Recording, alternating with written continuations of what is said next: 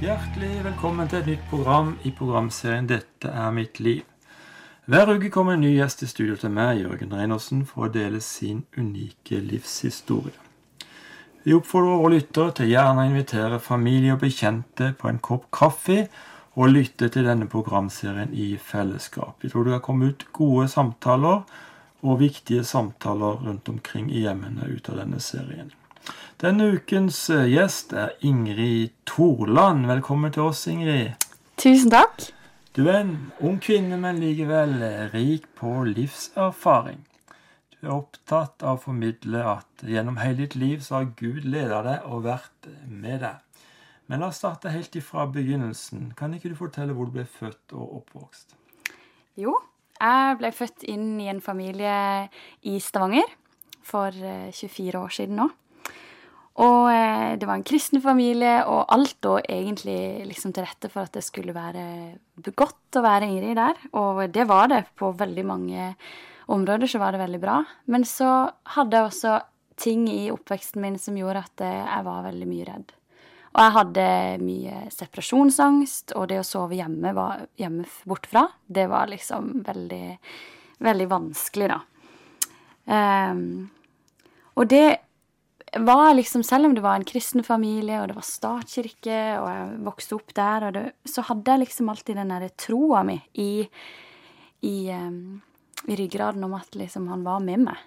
Uh, og når jeg var redd, så folda jeg hendene mine, og så ba jeg en bønn til Gud om at han måtte være med meg. Og det var ikke noe nødvendigvis sånn skrift på veggen eller liksom en sånn stemme jeg hørte, men jeg bare kjente at liksom jeg hadde en fred om at uh, jeg kunne være rolig.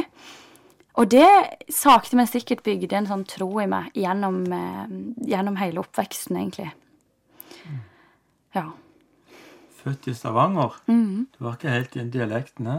Nei, jeg har jo ikke det, vet du. For jeg var eh, seks år, så flytta familien til Kristiansand. Og eh, når du har en pappa som er fra Lyngdal, og så har du en mamma fra Trondheim, så blir det en sånn god miks av alt mulig. Eh, så eh, ja, jeg har vel kanskje mest av kristiansandsdialekter. Men sånn en liten miks, da. Mm. ja. Så du flyttet til Kristiansand da når du var seks år gammel. Mm. Kan du huske noe fra den tida? Ja. Eh, for meg så ble det veldig vanskelig å flytte til Kristiansand. For jeg hadde liksom slått litt rot, og selv om jeg var mye redd, så, så var det liksom noe trygt med Stavanger. Alle kjente meg i den lille vennegjengen, og når jeg skulle begynne på skolen, så var det var det trygt å begynne i den klassen. Og så ble jeg liksom revet vekk fra det og flytta til Kristiansand i en ny klasse, der alle liksom hadde funnet sine venner. Og da eh, ble det mye mobbing. Jeg snakka litt annerledes, og jeg var litt eh, Kanskje litt større enn de andre. Og, og det gjorde at eh, skolehverdagen ble vanskelig. Um, og så hadde jeg dysleksi, som ble på en måte sånn toppen av kaka når det var vanskelig å være Ingrid på skolen. Så ble det enda vanskeligere når jeg hadde dysleksi og sleit med å lese og skrive og Ja. Så det å på en måte være Ingrid i de første årene der var veldig vanskelig, rett og slett. Så det tok mange år før jeg egentlig slo meg til ro og fant ut at det, det var i Kristiansand vi skulle være. Mm. Hvordan takla skolevesenet din dysleksi og det faktum at du var et mobbeoffer? Um, det var mange, som, det var mange bra tiltak, og, og, det er jeg veldig takknemlig over. Men eh, samtidig så, så, var det litt sånn kommentarer om at ja, men du har dysleksi, og du kommer ikke til å Eller sånn, du kan ikke Og at det ble litt sånn nedlatende setninger som, som brant seg litt fast i meg. Og eh, det kunne jo gått den veien at jeg liksom hadde tenkt at ja, men da skal jeg gi opp, og da, da har jeg ikke noe framtid. Men for min del så ble det heller en sånn eh, Det bygde en sånn fighter i meg at jeg skal søren meg vise dem at jeg kan noe, jeg òg. Selv om jeg har dysleksi. Så jeg på en måte nesten sånn bygde en sånn styrke meg med denne dysleksien om at eh, ja, min skolesekk var nok litt tyngre å bære i forhold til de andre som lærte seg gangetabellen på null komma niks. Men, men, samtidig så kjente jeg at eh, det at jeg aldri ga opp, har gitt meg ekstremt mye styrke videre i livet. Og eh, nå når jeg ser tilbake på det, så er det, er det er en dysleksien og historien min litt sånn godt å ha med meg i ryggsekken. For jeg gir meg ikke så lett. Mm. Du eh, fikk jo noen beskjeder fra lærere om at det nytta liksom ikke med det. Mm. Var ikke det veldig vondt å høre? Jo, det var det, og, eh, og det er jo litt sånn at de kommentarene kan ofte på en måte gå på repeat i hodet, og at liksom eh, Nei, men du kan ikke, og du kan ikke bli noe. Jeg hadde alltid en drøm om å jobbe med mote og var veldig interessert i stil og, og, sånn, og sånne kreative ting. Og eh, det at liksom du føler ja, men det er vanskelig å få jobb i Norge som dette, og, og det er liksom Kanskje du burde heller finne noe som ligner, som du liksom At de nesten eh, ville prøve å finne egne veier for meg, da. Istedenfor at jeg kanskje fikk lov til å eh, gå på den drømmen som jeg hadde inni hjertet mitt, da, med å jobbe med mote og jobbe med, med det som jeg hadde på hjertet. Eh. For du bodde jo en fighter i det. Ja, det gjorde det. Ja. Eh. Det er jo fantastisk når du får sånne tilbakemeldinger og ikke nytter på det. Eh. Så åssen kjente du den fighteren? Hvor, hvor dukka den opp hen? Um, ja, fordi at ungdomsårene ble jo en sånn evig jakt etter bekreftelse. Og at eh, jeg følte meg ikke god nok på eh, områdene på skolen, og det ble en sånn eh, Det ble Jeg var fortsatt kristen, men jeg følte meg ikke god nok. Og eh, og det at jeg ikke på en måte følte at jeg fikk noe ut av karakterene Uansett hvor mye jeg jobba og strevde på skolen, så fikk jeg den toren planta i trynet. Og det betydde jo at du ikke var god nok, sant? fordi at det var jo den sekseren som var best. Eh, og det gjorde jo at eh, jeg mer og mer putta på en sånn maske. At jeg ble perfekt på utsida. Og eh, tilsynelatende så så alt veldig fint ut, og så inni meg så hadde jeg det ikke godt med meg sjøl. Eh, og prøvde å skjule det veldig hardt med å sette på noen andre enn det jeg egentlig var, da. Og det er i forhold til sosiale medier, at du sammenligner deg med, med, de, med ting du ser på sosiale medier, og du, skulle du misunner andre for at du skulle ønske du var som de, og um, Ja, det var mange faktorer som gjorde at når jeg slutta videregående, så, så kjente jeg at jeg var lei av å hele tida bevise at jeg var god nok. Um, på mange måter. Mm. Mm. Mm. Men du nevnte i stad her at mote, det er interessert i. Mm. Det var noe du kunne tenke deg å fortsette med. Mm. Hvordan starta den drømmen?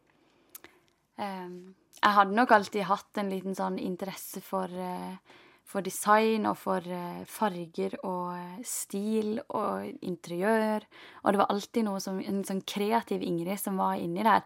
Um, men som kanskje ble litt gjennom skoleårene mine ble litt sånn dyssa ned av at det var veldig fokus på det teoretiske, da.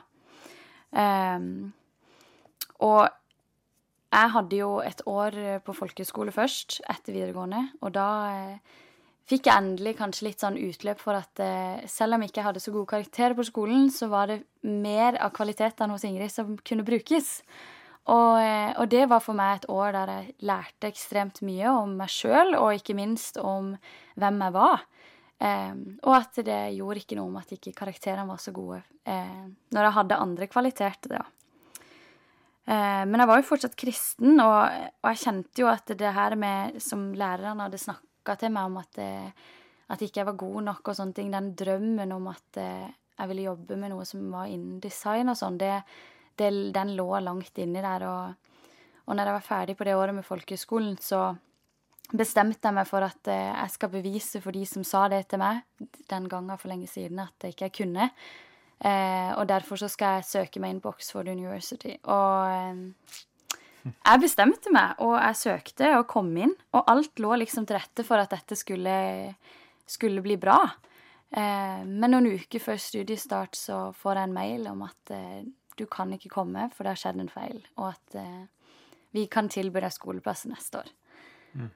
Og da raste liksom verden litt sammen for meg, for dette var det eneste håpet jeg hadde. Dette var liksom min vei som jeg skulle bevise for de andre. Og, og den interiørdrømmen og fashion-drømmen og sånne ting, den eh, så jeg bare raste foran meg. Eh, og så var det mange i min vennegjeng som hadde tatt en sånn disippeltreningsskole med ungdom i oppdrag. En sånn Ja, de reiste bort og lærte engelsk og reiste til Hawaii kanskje og kom tilbake som sånne trygge Trygge og helt sånn provoserende, nesten glade personer.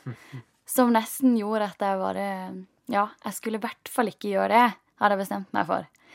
Eh, men når denne her beskjeden om at jeg ikke kom inn på Oxford, eh, møtte meg veldig sterkt, så så var det en kompis av meg som sa ja, men Ingrid, du skal ikke prøve da å bare reise og lære engelsk og utforske troa di, da, for du har jo alltid hatt en tro. Eh, og jeg husker jeg satt, og så bare sa jeg det, Gud, vet du noe, nå har min nå har min drøm gått i vasken, og nå bare må du gjøre noe, rett og slett. Um, og da søkte jeg litt på nettsida deres og var litt sånn usikker på hva egentlig dette her var i det hele tatt.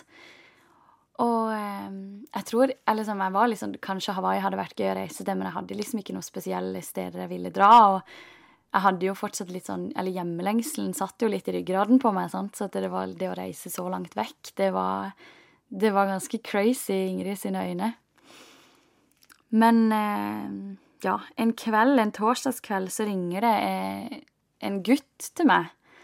Helt sånn ut av det blå, kjenner han ikke, og, eh, og han sier at eh, Ingrid, nå har jeg stått opp klokka fem på natta for å fortelle deg om DTS, og har du tid til å høre på meg, liksom?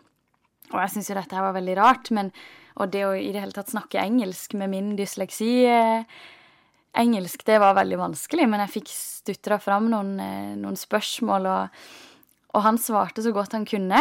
Og for meg så ble det veldig sånn en veldig merkelig stund over telefonen der. For det, det, var veldig mange brikker som falt på plass. Og eh, så sa han, avslutta han liksom da med, med at det her høres kanskje rart ut, men kan jeg få lov til å be for deg over telefonen? Og jeg syns jo at det var veldig rart, for jeg var liksom ja, konfirmert i frikirke og statskirke, og han var ikke vant til å liksom be høyt og sånne ting. Men eh, jeg sa jo ja, da, for å være høflig, og da når han hadde bedt for meg etter det, og han hadde lagt på den telefonen, så bare visste jeg i hjertet at jeg skal dra til Australia. Og jeg må Ja, det var bare dette jeg skulle. Eh, så visum og alle pengene kom inn, og det var Det gikk ganske kjapt før jeg hadde på en måte innsett at oi, jeg har flytta til Australia, og da satt jeg på flyet nesten tre uker etterpå og, hadde flytta. Velkommen tilbake til programmet 'Dette er mitt liv'. Jeg har besøk av Ingrid Torland i studio. Ingrid, du har jo delt eh, en spennende historie med oss. Du, eh, du opplever å bli mobba som barn mm. og på skolen og sånn, og læreren hadde ikke tro på det. De sa det nytter ikke for det. Men du la det ikke stoppe. Du hadde en fightervilje, og eh, etter hvert så reiste du til Australia på en disippeltreningsskole. Du må fortelle videre. Ja, for jeg, jeg husker når jeg satt på flyet, så plutselig gikk det opp for meg at oi, nå har jeg faktisk flytta. Nå er ikke min returbillett hjem til Norge før om et halvt år. Og, og, for meg så ble det veldig sånn Jeg visste jo egentlig ikke hva jeg gikk til, for å være helt ærlig, fordi at eh, det hadde skjedd ganske fort. Og, og det her med disippeltreningsskole og bibelskole altså sånn der, Ja, jeg ante jo ikke hva jeg gikk til. Så eh, når jeg kom til Australia, så, så husker jeg at liksom frykten tok meg litt på flyet om at oi, dette her er det det jeg vil. Men så husker jeg bare ba en bønn om at Gud, nå er du nødt til å bare være med meg, og du er nødt til å gi meg en fred i hjertet om at dette er riktig. Og siden den dagen der, når jeg landa i Australia, så, så, kjente jeg ikke på noe hjemmelengsel. Jeg kjente ikke på noe frykt om å være aleine der. Og eh,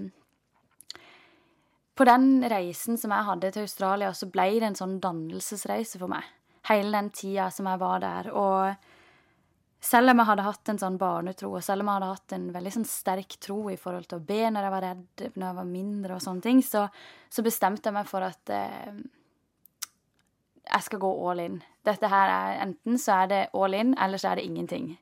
Og eh, jeg hadde liksom Det er det her med at eh, vi i Norge vi har det så godt at vi tror egentlig ikke på det vi tror på det ble liksom veldig sånn sterkt for meg at eh, hvis det står i Bibelen 'frykt ikke', så, så, trenger jeg jo ikke å frykte.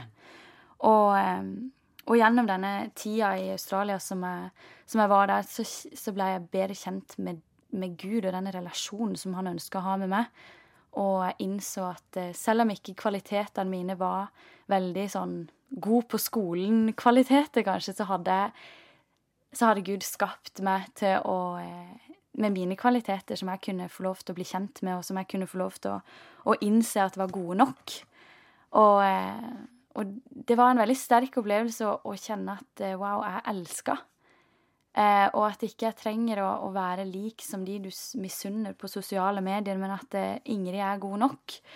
Eh, for det hadde liksom ikke jeg helt forstått i forhold til det når jeg var kristen tidligere. At liksom Gud ønska en relasjon med meg, og han hadde lagt noe på mitt hjerte som, som han ønska å bruke til noe mer enn bare å leve et vanlig liv gjennom, gjennom eh, å få seg en jobb og, og, og, liksom leve det vanlige livet. Da. Han ønska at jeg skulle gjøre noe mer. Um, ja. Mm. Du er også på noen teamturer? Ja. Um, vi hadde tre måneder i Australia først, så vi hadde sånn mer fordypning i, i undervisning. Og så reiste vi ut, og første gang var til Tyrkia. Vi bodde der og, um, og jobba med syriske flyktninger. Og for meg så ble det en veldig sterk opplevelse og veldig sånn møte egentlig med realiteten. For for meg så var det veldig lett å være kristen i Norge der du hadde alt, og, og det som jeg sa også med at man tror ikke på det man tror på, lærte jeg veldig der om at eh, jeg har aldri opplevd krig. Jeg har aldri opplevd å ikke ha mat, og jeg har aldri opplevd å ikke ha ei seng å sove i. Eh, og når jeg møter disse flyktningene som bor i telt, og som ikke har sko, og som ikke har mat på bordet, men som inviterer deg inn og bare viser en sånn radikal kjærlighet til deg, som du har møtt kanskje i bare fem minutter, det gjorde ekstremt store inntrykk på meg. Og eh, på den tida så var jeg nok, som jeg sa, også litt sånn at jeg hadde en perfekt maske, og kanskje ikke hadde det så bra med meg sjøl innvendig når jeg kom til Australia, og, og det å se at eh, den gleden kommer ikke utenifra. En ekte glede som disse syriske flyktningene hadde, det, det var en glede som de hadde innenfra, som, som ikke hadde med om du hadde sixpack eller eh, en uh, flott veske, men det handla om, uh, om, den gleden som de fikk fra det de trodde på, da. Eh, og det ble veldig sterkt for meg. Mm. Du var også en tur i USA. Ja. Eh, vi reiste til Detroit og jobba med, med gjengmiljøet der. Og, og, også til Phoenix eh, og jobba med prostitusjon. Og gjennom disse tre månedene som jeg var der, så, så blir jeg kjent med mennesker som jeg vanligvis kanskje ville gått forbi på gata. Eh, og når du blir kjent med jenter som er prostituerte, og som har en helt annen eh, livserfaring og en helt annen historie enn det du har, så blir du veldig ydmyk i forhold til den eh, Både den oppveksten du har hatt hjemme i Norge, men også i forhold til at eh, alle mennesker har en historie, og det er så lett å sette i boks og, og dømme folk, og det er så lett å, å sette opp liksom fordommene og la de snakke før egentlig du kanskje blir kjent med personen. Og i forhold til gjengmiljøene i Detroit så var det, var det, det en tid som jeg lærte ekstremt mye om det. å, å møte mennesker sånn som de er, og ikke, ikke nødvendigvis eh, bare fordi at de er, har havna litt skeivt ut, at det definerer hvem de er.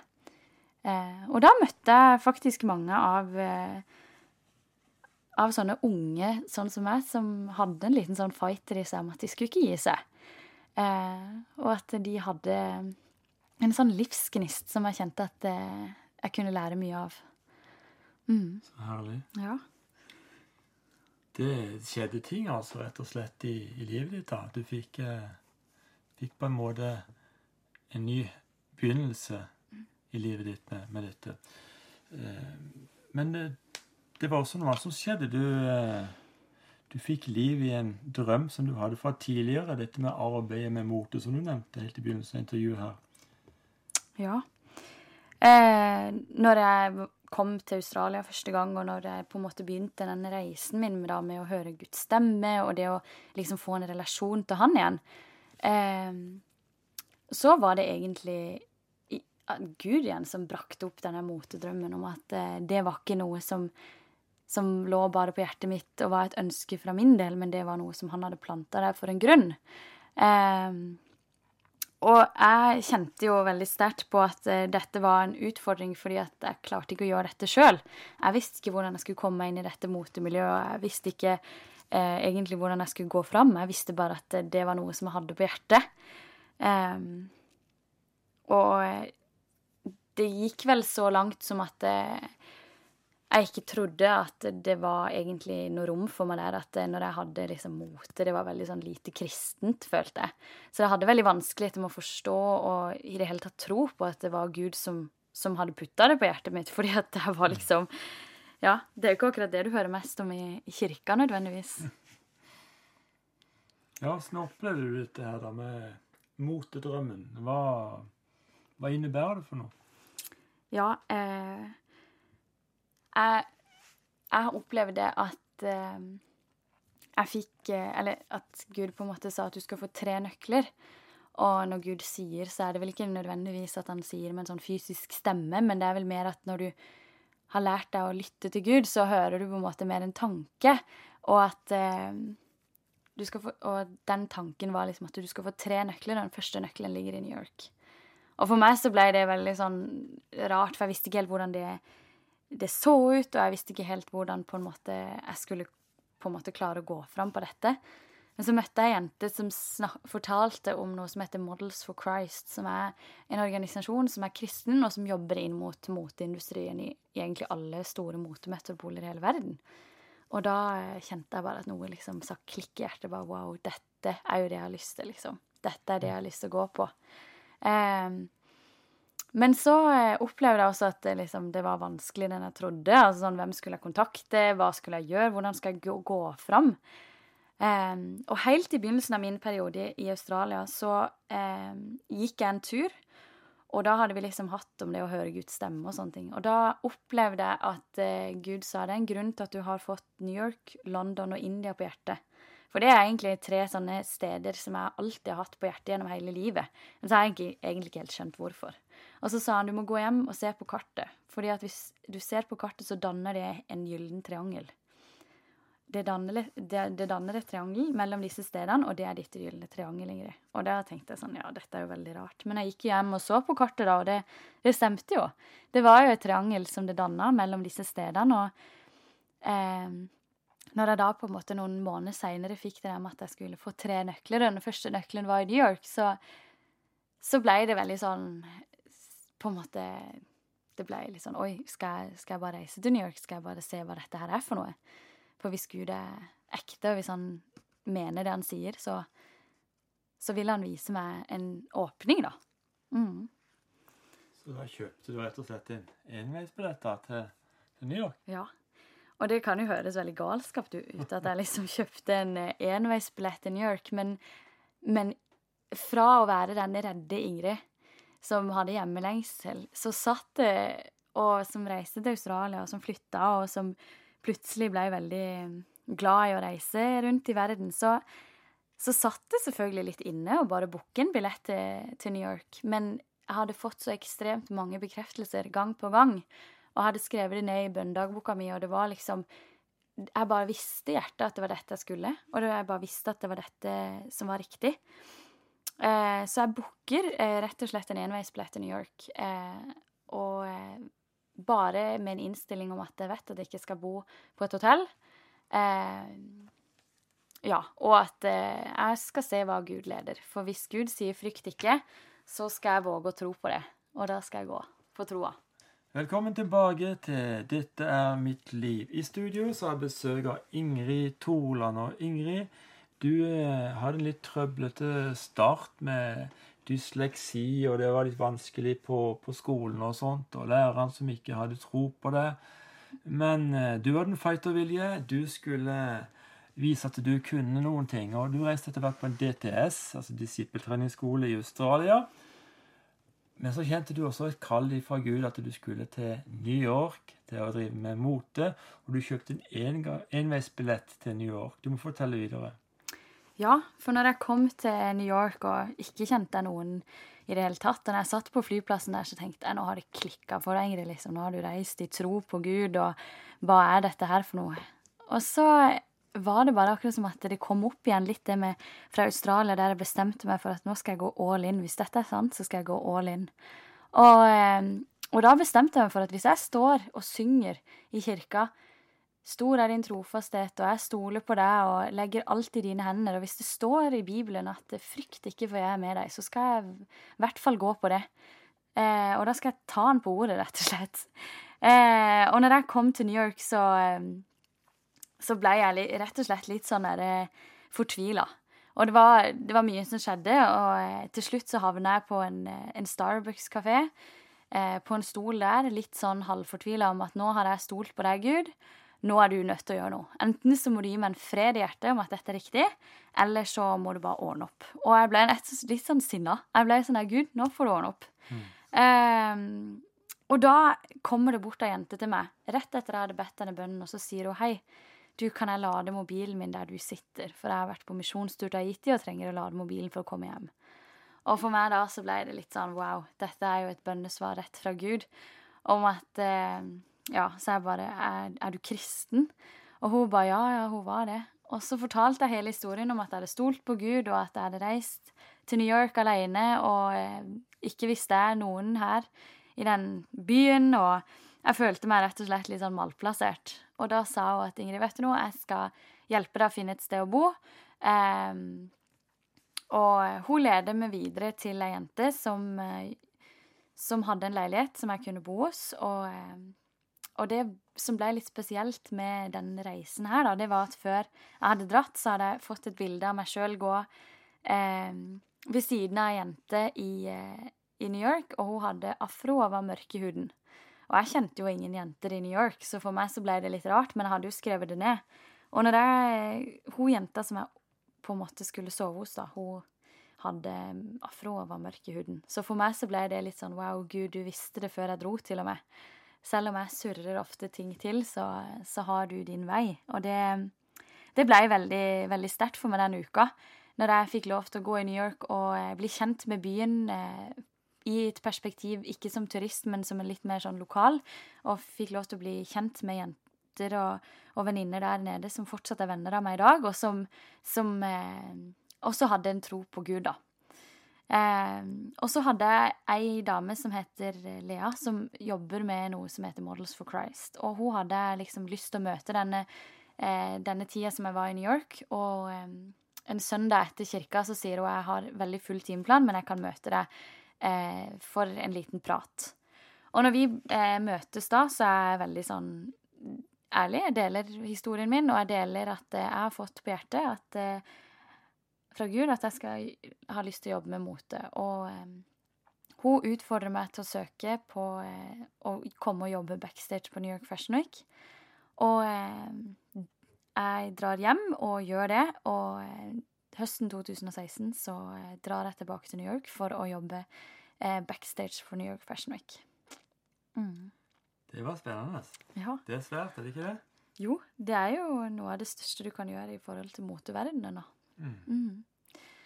Hvordan opplevde du å treffe disse skal vi kalle stjernene? Mm. Hvordan, hvordan, var de egentlig? Ja, for det eh, jeg kjente av moteverdenen og moteindustrien, var jo det du hadde sett på de glansa forsidebildene på butikken og på sosiale medier. Og det var liksom den forventninga jeg hadde når jeg kom til New York Fashion Week første gang. Og det å få lov til å komme bak eh, og se hvordan det egentlig er i denne industrien, sjokkerte meg veldig. Og det gjorde at eh, jeg fikk et totalt nytt syn på denne industrien og på disse menneskene bak her. For du møter jenter som er 16 år, og som eh, står nakne backstage, og fotografene elsker å ta bilder av dem. Eh, og du møter eh, misunnelse og maktmisbruk og eh, ja, veldig sånne grove ting, rett og slett. Og eh, det er lett å tenke at det er meg som lille Ingrid fra Norge, som hadde dysleksi, og som ikke har i det hele tatt nesten kunne engelsk, hva gjør jeg i denne store industrien her, og hva er det Gud kan bruke meg til i dette mørket?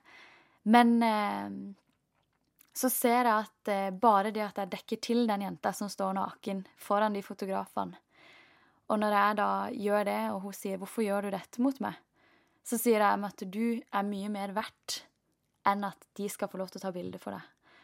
Um, og eh, når da tårene triller nedover ansiktet på disse modellene, og når du får lov til å bare være der for å hjelpe de, og for å støtte de, og for å snakke de sin sak, så, eh, så ser du at Gud kan bruke deg veldig i, i den industrien. Og, og det er masse historier om at eh, vi kan få lov til å gi Bare det å gi et Starbucks-gavekort og si vet du noe, gå og ta deg en kaffe, for jeg ser at du har jobba ekstremt mye denne, denne uka. Og modellene blir jo ekstremt glade, for det er ingen som i det hele tatt eh, tenker på at de skal ha det bra. For det ofte så er det 14-15 timer de jobber hver dag, og de er slitne. Og når de kommer med svære blemmer på, på hælene, så trykker de bare ned i altfor små sko og går ut på catwalken. Altså det det er helt sånn brutale ting. Og eh, ofte så skulle jeg ønske at alle så denne baksida av denne industrien, fordi at eh, det ser så utrolig glamorifisert ut på utsiden, og så er det veldig annerledes eh, på innsida. Mm. Ja, Ingrid Thorland, du er ei ung kvinne i midten av 20-årene. Hva gjør du om ti år? Ja, hva gjør jeg om ti år? Eh, jeg tror at eh, denne reisen som jeg har hatt eh, til nå i livet mitt, har eh, fortalt meg at eh, det er ikke nødvendigvis kjedelig å være kristen. Eh, og at eh, når jeg har fått eh, drømmer på hjertet fra, eh, fra Gud, så, så, ønsker jeg å fullføre de, eh, de, tingene som han har for meg. Og eh, jeg har ikke tenkt å gi meg med det første. Og jeg har lyst til å bevise at det å stole på Gud, det er ikke nødvendigvis bare å sitte med folda hender i kirka, men du kan være et lys i mørket og gjøre en forskjell. Og jeg tror det jeg har lært mest av, det er å, å ikke nødvendigvis leve for seg sjøl, men leve for noe som er større enn seg sjøl. Og eh, å leve for noen andre, og ikke bare leve for min karriere og min sommerkropp og min Altså alle de tingene som vi i Norge så lett kan tenke er så egoistiske. Så å, å leve for noe som er større, rett og slett. Mm. mm. Du har delt både opptur og nedturer i ditt liv i dette programmet. Jeg vil tro at en del av de tingene du har delt, er gjenkjennbart for, for lytterne. Har du noen ord til dem som, som, sliter akkurat nå med en utfordrende situasjon? Ja. Eh, jeg tenker at eh, uansett hvordan omstendighetene er, uansett hvordan forutsetningene i livet er, så er det ikke nødvendigvis eh, at det er slutten. Det kan være begynnelsen på noe nytt. Og eh, for min del så var den tunge starten med mobbing og dysleksi. Det ble bare en sånn eh, en drive til å bare gi gass videre. Og jeg har lyst til å oppmuntre de som sitter hjemme og tenker at det er ikke noe håp for meg, eh, lille meg fra, fra Norge, at eh, det er absolutt håp, og det er en framtid. Og det står jo det i Bibelen at eh, jeg er veien, sannheten og livet. Og eh, han har en vei for oss alle. Og hvis vi velger å gå på sannheten. Um, så vil han lede oss. Og eh, han er seriøs når han kaller oss, og han er seriøs når han legger ting på hjertene våre. Og ofte så kan man tenke at nei, men de andre har sagt at det, det, er umulig å jobbe med mote, eller det er umulig å gjøre disse tingene her. Og det er så lett å høre på de løgnene og de stemmene som snakker sånn inn i livet vårt. Men eh, jeg vil oppmuntre folk til å, til å, virkelig bare gå for det de har i hjertet. Eh, og er det umulig, så er det mest sannsynlig fra Gud, for da du klarer aldri å gjøre ting sjøl. Men, eh, og jeg hadde aldri klart å komme backstage på New York Fashion Week alene. Men jeg, jeg velger å tro at det er Gud som åpner den døra for at jeg skal få lov til å være et lys inni det mørket der. Mm. Ja. Veldig sterkt. Ja, Ingrid, det går jo mot slutten av dette programmet, men eh, sånn avslutningsvis kan du tenke deg å be en bønn for flytterne? Ja, det kan jeg. Kjære Gud, jeg bare takker deg for eh, alle de menneskene som hører på dette programmet. Jeg takker deg for at eh, du har en vei, og du har en sannhet for oss, Jesus. Og eh, jeg ber om at du må komme inn og banke på hjertene til, til oss alle, sånn at vi kan ikke nødvendigvis tenke på alle de sårene som, som andre mennesker har gitt oss, men at vi kan se hva du har for, for hver og enkelt av oss i livene våre så legger jeg andre som hører på oss, i dine hender, og så ber jeg om at eh, du må la din vilje skje. Amen. Amen, amen. Ja, Ingrid Toland, hjertelig takk for at du kom i vårt studio i dag og delte din livsreise til nå. Du er ung dame, du har mange år foran deg, så det er herlig å høre videre hva det som skjer i ditt liv. Må Herren bare velsigne deg rikelig videre på veien. I dag har Jarle Fjelstad vært tekniker. Mitt navn er Jørgen Reinertsen. Om du ikke er venn med meg på Facebook, altså med Jørgen Reinertsen, så legg meg gjerne til som venn, så får du oppdateringer om når disse radioprogrammene går, og også om forskjellige arrangementer som vi har rundt omkring i Norge. Neste uke så er vi tilbake på samme tid og på samme kanal med en ny spennende gjest i denne programserien som heter 'Dette er mitt liv'. Vi takker for i dag og ønsker deg det beste av alt Guds velsignelse.